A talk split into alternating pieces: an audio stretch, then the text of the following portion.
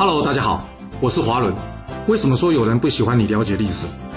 因为历史可以让你了解顶层阶级的思考方式，成为他们的竞争者，也可以让你看到许多前人成功以及失败的案例，让你的竞争对手睡不好觉。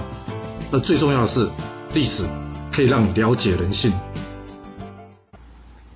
我们刚刚在战国第十八集的故事中讲到，这苏秦终于展开他的六国合纵联合抗秦的计划了。大部分我们在听这段历史的时候啊，故事重点都会放在苏秦之前说服秦国如何的不顺利，还有他之后如何苦读，最后转而说服六国合作抗秦，搞得一副是苏秦挟冤报复，最后报仇成功一样。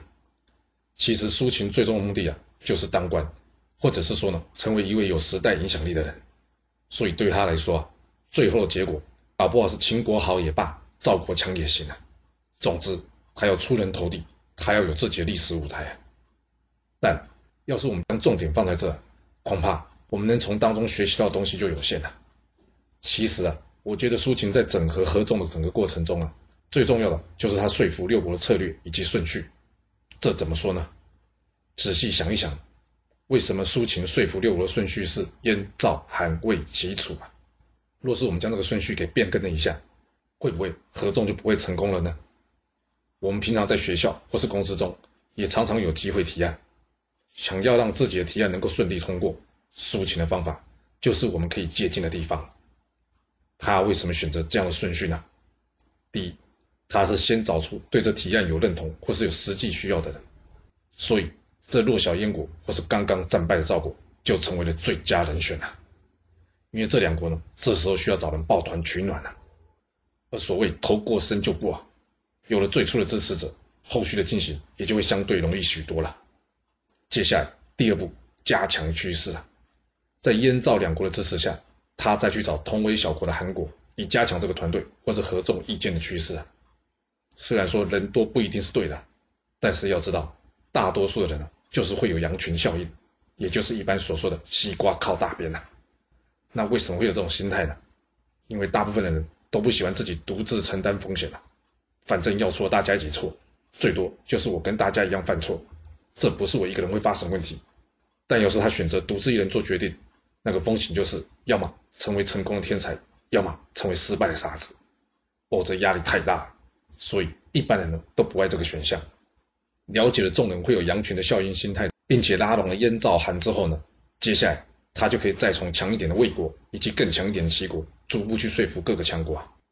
等到大家都加入之后，这平常跟大家最不搭嘎的楚国，也会想说不要得罪大家，而加入这个合众的大家庭啊。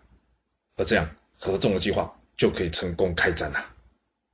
一个意见的形成或是被采纳，要是得不到上层的支持啊，有时候就需要考虑从下层发展。你要的呢，不是一个一个人去说服啊，而是先在一个小团体中。找到理念或者跟你需求相同的人，只要这几个人的人数呢，能在这小团体中形成多数，那就有一定的影响力，就能导致这小团体中的其他人呢，因为羊群效应呢而导向你的意见。接着呢，一个一个小团体接受这个意见呢，它就会变成什么主流意见。基本上这个作业模式啊，跟现在的网军操作的方式有点像。一旦主流意见形成了，就算其他人主张再有道理，一般人呢也不敢选择跟他站在同一边。那想要打破羊群效应呢，也不是不可能。以我来说吧，开会的时候要大家用一样的格式，然后呢将自己的意见打印出来，但是提出意见的人不用写上自己的名字，并且呢将它投放在一个箱子里面，之后由我取出来说明这个意见的内容。不用写上自己名字，就容易打破这羊群效应了。而由我取出来说明呢，就可以避免每个人因为有写作风格的问题啊，让别人去猜测这个意见究竟是谁提出来的。这里只是简单的提供一个方式给各位参考。那至于要不要利用头过身就过，或是羊群效应呢？那就得看你自己当时的需求，您说是吧？如果你有其他的想法，也欢迎留言分享你的看法给大家哦。好了，我们今天就先说到这。若是你想要知道完整版的故事内容，欢迎您可以到说明栏中找到我爱故事频道的连结。要是你喜欢这个频道，还要麻烦您动动你的手指，点赞、订阅、追踪。或是给我五星评价的支持，以及留言分享哦，谢谢您来收听，我们下次再见。